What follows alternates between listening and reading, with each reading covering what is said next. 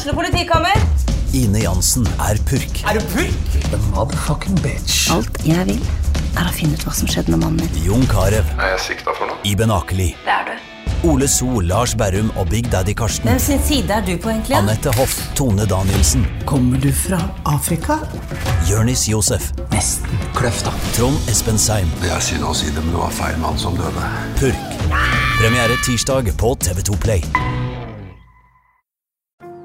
Ungsamtalen fra DNB er økonomisk veiledning tilpasset deg som er ung. Bokk en ungsamtale på dnb.no. slash ung. Det er kjempebra hvis du skal inn på boligmarkedet, hvis det er drømmen din, liksom. Det er det du skulle sagt. Og så kunne du ropt litt mer, da, sånn som jeg gjorde. Bam! Åh,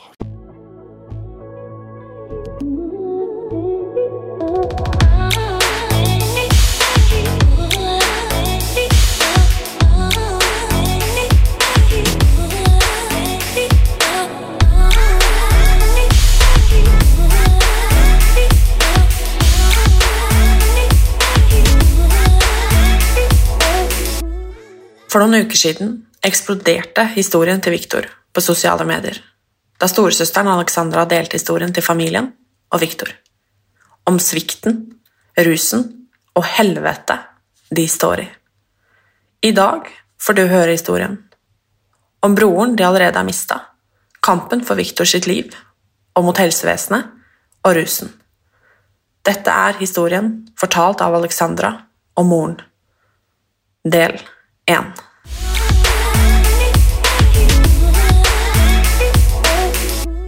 Viktor er i dag 23 år og tung rusmisbruker. Som barn fikk han aldri den hjelpa han trengte til sine psykiske lidelser. Rop om hjelp til skolesystemet ble oversett og ikke tatt på alvor. Foreldrene hans møtte veggen gang på gang og fikk ingen støtte til å håndtere det her såkalte problembarnet. Som tenåring var Viktor svært dyktig i fotball, men sporten som skulle gjøre ting lettere, viste seg å være veien til helvete. Han og storebroren ble tilbudt dop, og sammen med indre problemer ble det en utflukt fra den tunge tilværelsen. Viktor har nå sammenlagt vært tvangsinnlagt på Østmarka sykehus i fem lange år. De brukte tvangsbelte på akuttavdelinga, og på post 7 holdt de han isolert på rommet og begrensa kontakt med familie og venner da broren døde. Stengte han inn helt alene fra klokka 23 til 7, reiv av han dyna om morgenen mens han lå naken i senga, tok fra han alt som straff hvis han uttrykte følelser i form av frustrasjon eller sinne, hadde upassende oppførsel eller sprakk til det sterke russuget. Han bodde også med ekstremt syke medpasienter som ropte og skreik konstant. De banka i veggen okay. De banka i vegger og dører og skremte han daglig. Å sette en så ung gutt på en avdeling med tunge rusmisbrukere var oppskriften for katastrofe. De eldre pasientene på post 7 Østmarka fikk Viktor til å ta sin første heroindose. Østmarka sykehus, post 7, har påført Viktor traumer som han vil bære for resten av sitt liv. Valgene ledelsen tok, har gjort han vondt verre på alle mulige måter. Han har blitt feildiagnotisert, isolert, knytta nettverk med farlige mennesker, fått absolutt ingen behandlingsplan eller aktivisering, kun noen bilturer en sjelden gang, og feil og tvangsmedisinert med sterke bivirkninger som han fortsatt blir hver andre uke. Han hadde ofte så sterke bivirkninger at han ikke klarte å spise, holde i ting, gå eller stoppe å skjelve, men legen tok aldri klagene fra Viktor og foreldrene på alvor. Det tok bestandig flere måneder før de bytta medisin, noe som strider imot pasientrettigheter i Norge. Viktor var dessuten så kraftig neddopa på beroligende at han ikke klarte å snakke eller tenke vanlig. Da han flere ganger endelig kom ut fra behandling, kutta de all medisin på et blunk og forventa at han skulle holde seg rusfri. Noen av hjelpepleierne på post 7 Østmarka var veldig snille mot han, mens andre var helt umenneskelige. Også flere av de ansatte var sterkt uenig i overlegens diagnoser, som ble stilt til Viktor, og ga tydelig uttrykk i form av klager til ledelsen. Hver gang Viktor ble innlagt til behandling, holdt de han på tvang i flere måneder, også som utskrivningsklar. Han har til sammen tilbringt ca. tre år på overtid inn på post 7 Østmarka, kun fordi Trondheim kommune har vært treg med å finne riktig boligplass til han. Pga. sin treghet har Trondheim kommune betalt omtrent to millioner kroner i bøter til St. Olavs sykehus. Penger som kunne ha blitt brukt på behandling til Viktor og så mange andre mennesker. All ventinga kan koste Viktor livet, sånn som det gjorde til storebroren hans, Martin. Da PUT, et behandlingssenter i Trondheim, ga han ventetid på fem måneder i 2019. Rus Rusmiljøet tok livet hans ti dager før han skulle inn i behandling. Sjøl etter Viktor mista sin beste venn og storebror, har han ikke fått tilstrekkelig hjelp. Østmarka sykehus og kommunen har nekta å henvise Viktor til andre behandlingssteder i landet, og har sendt han stadig til boligplasser blant, blant tunge rusmisbrukere som konstant banker på døra, stjeler, bryter seg inn og slår han. Kommunen mener dette er tilstrekkelig hjelp. Han lever per dags dato i konstant frykt og uro, med null assistanse på natta og i helgen. Foreldrene hans er utslitt og vet ikke hvor de skal søke hjelp. Viktor har stor skyldfølelse overfor dem og ønsker at de skal ha det godt og holde seg friske. Viktor er en helt fantastisk gutt med et stort hjerte av gull. Han er veldig høflig, smart, morsom, omtenksom, sosial og vil aldri noen vondt. Han er full av lidenskap og hadde vært til en stor ressurs i samfunnet. Dessverre har han blitt et offer av rus og det ødelagte psykiske helsevernet i Trondheim, men han fortjener en sjanse til et godt liv som alle oss andre. Hans lidelse trenger ikke å være forgjeves. Den kan riste i ruspolitikken og snu på ting, men du er den avgjørende brikken til det. Vi trenger deg, som medmenneske må vi sette lys på det her sammen. Til slutt er politikerne nødt til å høre oss. Viktor har blitt fratatt sine menneskerettigheter altfor lenge, og nå er det nok. Han har rett på riktig behandling. Viktor fortjener å bli sett og hørt, ikke oppbevart og behandla som et utkast med overhodet ingen behandlingsplan for sine psykiske lidelser. Hvis Viktor ikke får hjelp snart, kommer han til å dø. Og vi, søster som snakker, har ikke råd til å miste nok et familiemedlem og kjær bror og sønn til rus. Når starta problemene til Viktor, og hvordan? Problemene startet til Viktor uh, veldig i tidlig barnealder. Uh, helt fra første klassen. Uh, han gråt hver dag, brydde seg for å, for å gå av gårde til skolen. Han kom hver dag med smerter i magen. Og egentlig han er Han, er veldig, han var veldig prega av sterk uro. Uh, han hadde konsentrasjonsvansker. Uh, impulsivitet. Sterk impulsivitet og Eh, oppmerksomhetsvansker. Så det egentlig Alt startet eh, Det var veldig tydelig tegn helt fra starten. Fikk han noen psykiske lidelser, altså fikk han noen diagnoser påvist når han var liten? Barn? Nei, han fikk det ikke. Han var uh, undersøkt på skolen uh, av PPT-tjenesten to ganger. Mm, der uh, man kan lese i rapporter også fra den tida at dem som har utført tester på Viktor, uh, legger merke til at han rister med føtter, uh, vikler med hender. Uh, han er urolig. han sier at han må ta pauser. Han sier også at han klarer ikke å sitte i ro på, i klasserommet. Så under, testen, under testene uh, var um, egentlig alt var skrevet også, at uh, han sier at han klarer ikke uh, vanlig skoledag. på vanlig måte som alle andre barn. Han får store problemer med konsentrasjon og ikke minst uro. Men det slo ikke ut? Men det slo ikke ut, og så mm, Men det var jo også fordi at han, han var redd for å skille seg ut for mye. Så Ja. når han svarte på testene, så prøvde han å liksom ikke For han, han skjønte at han ble testa, men han visste ikke liksom hvorfor. Så han prøvde å framstå mest mulig normal. mm. Kanskje derfor det ikke slo ut. Uh, Og det var to, to ganger de testene var gjort, og to ganger det var det skrevet at det er på grense av eh, ADHD. Mm, og um, egentlig Viktor um, innrømte det for bare noen år siden, at han uh, ligger på de testene en del. Bare for å, for å oppfattes som normal gutt som alle, alle de andre på skolen. Hvor mange barn har du? Uh, fire nå.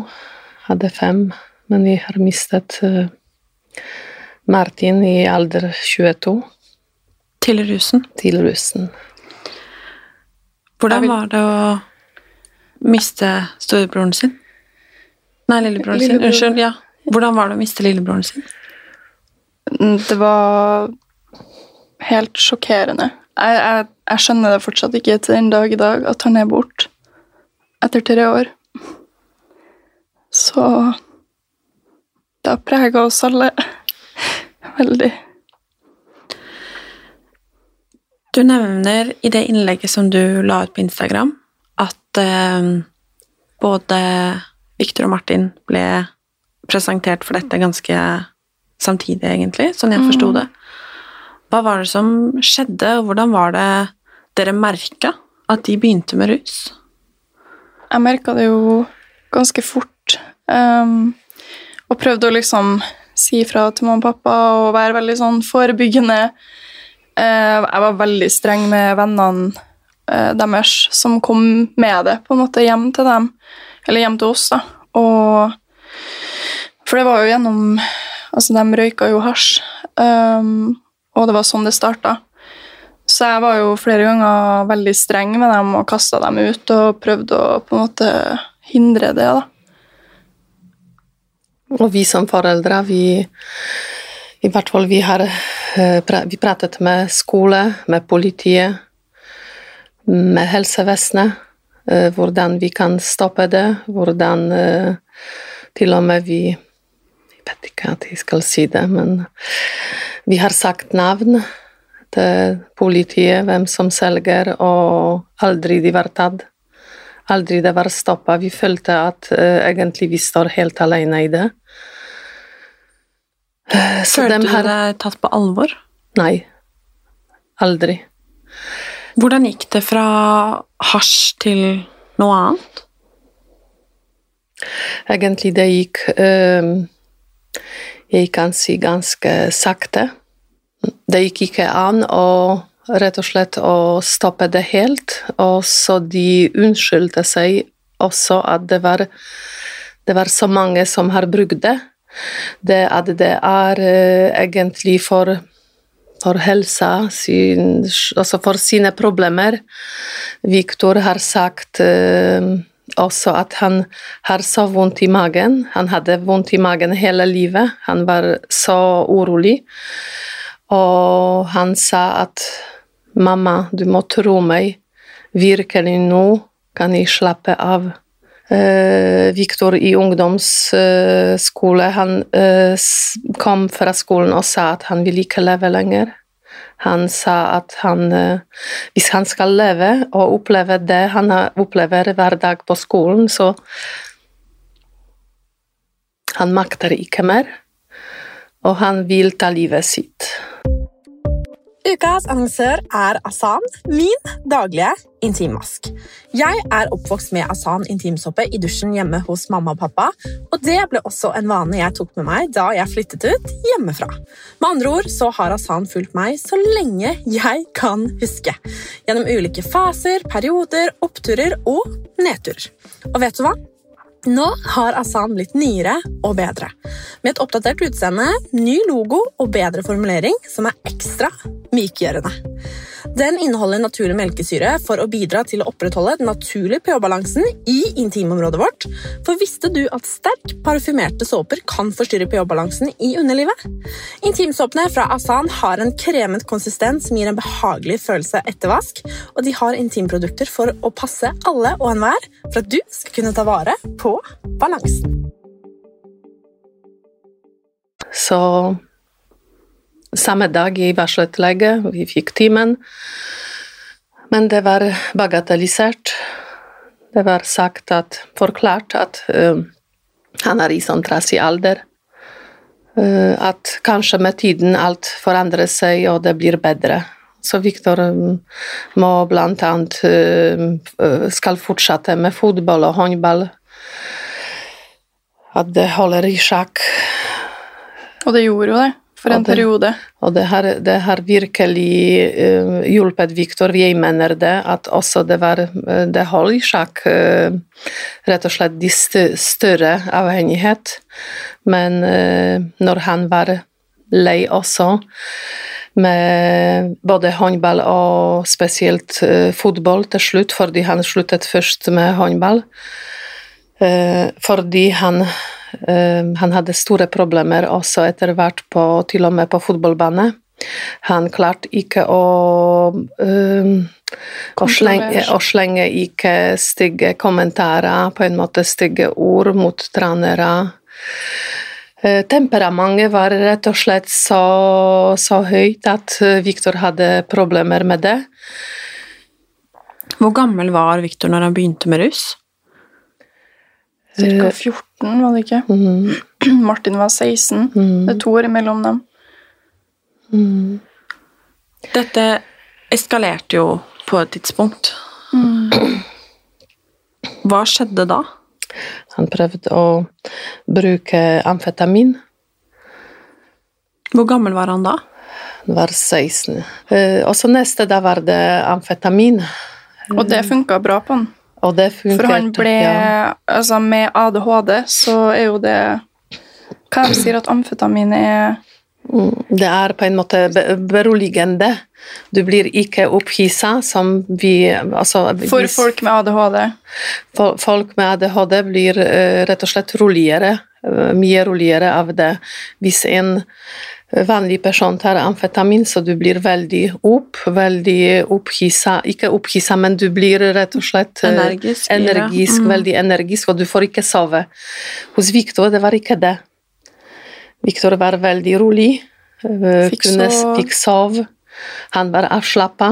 Han var med liksom seg sjøl, nesten. Ja. Han var oppegående, han kunne ha en samtale, han kunne være med oss i Mm. liksom Han fungerte bedre da, på amfetamin. Og vi, og vi hele veien eh, Vi prøvde å stoppe det uansett, fordi vi visste at det er narkotika. Det er narkotiske stoff. At det er forbudt. Og, og vi kjeftet på Viktor også. Vi bad han først på Ja, vi prøvde jo alt, Vi har prøvd egentlig. alt. Alle teknikker, all egentlig. strategi og si, liksom truen med at eh, vi kutter all kontakt og liksom hva skal man gjøre? Altså Man lærer jo mens man går òg at uh, man prøver jo på en måte alt da, for å redde dem og for å skremme dem eller få dem bort fra det. Viktor bodde hjemme. Han var hjemme, eh, rusa seg eh, mye, forstår jeg. Når ble han lagt inn første gang? Når han var 18 det var, For vi hadde jo flere sånne her intervention, men prøvde å si til henne at nå må du få hjelp. Og han ville faktisk ha hjelp. Han eh, la seg inn frivillig flere ganger, men han fikk ikke noe hjelp. De har ikke noe På Østmarka så har de null aktivisering. Eh, De bare oppbevarer folk. Eh, Prater ikke med dem engang. Det er ikke psykolog på den posten han var på. Og så til slutt da fikk Viktor en psykiater som heter Arne Woller, som jobber på, på Østmarka. Han sa til oss eh, at han vil ha møte med oss, og han eh, vet hva som feiler Viktor. Så han eh, Jeg husker den dagen veldig godt. Vi sitter på et rom, og han forteller at eh, han er sikker på at Viktor lider av Tourettes syndrom. ADHD, OCD, tvangslidelse og TIX. Og han begynner å forklare. Vi begynner å gråte begge to, fordi vi, vi, føler, øh, vi føler stor lettelse. At endelig Endelig vi får svar hva som, på en måte, hva som plaget Viktor i, i mange år. Eh, så han sier du er ikke eneste, det er flere som eh, selvmedisinerer seg. Men fra nå av du skal få hjelp. Men for å få hjelp, du må være rusfri. Så jeg kontaktet både Tourettes uh, foreninga, ADHD-foreninga, uh, også lest om OCD. Og hver, hver bok jeg har åpnet, så det var som å lese om Viktor. Og jeg tenkte endelig vi får svar på, på det som på det som preget Viktor, og vi jeg egentlig, når jeg leste, så jeg gråt mange ganger fordi jeg var uh, Jeg tenkte og jeg angret så mye at jeg var ikke så flink før.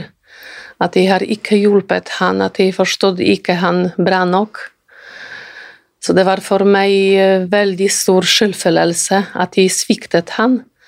Men eh, så fort Viktor var utskrevet fra sykehuset og vi pratet med han, og han var veldig motivert for å bli rusfri Men det var Ikke lange tida før han Nei, før, før, det var for smertefullt. Han sa det er så smertefullt, det er så rett og slett ut... Utholdelig. Ja. Men det er så sykt at de krever at liksom, Noen som har så store lidelser, store smerter i kroppen, de krever at de skal være uten noe. Det er jo på en måte medisinen deres. Så å forvente at de skal gå et halvt år uten noe som helst Han er sånn, han blander alt og bare tar alt uten å tenke engang. Jeg har to spørsmål om det. For, for det første så er jo rus ganske kostbart. Hvor har han fått pengene sine fra? Mm. Hvordan har han betjent dette her? Mm. Altså, først og fremst uh, Jeg som mor prøvde å altså, alle sammen, vi prøvde å begrense det på rett og slett på best mulig måte. Uh, og så da var det salg av klær. Ja, de begynte å selge klær. Uh, sko, jakker. Uh, egentlig alt som dem uh, eid. eid.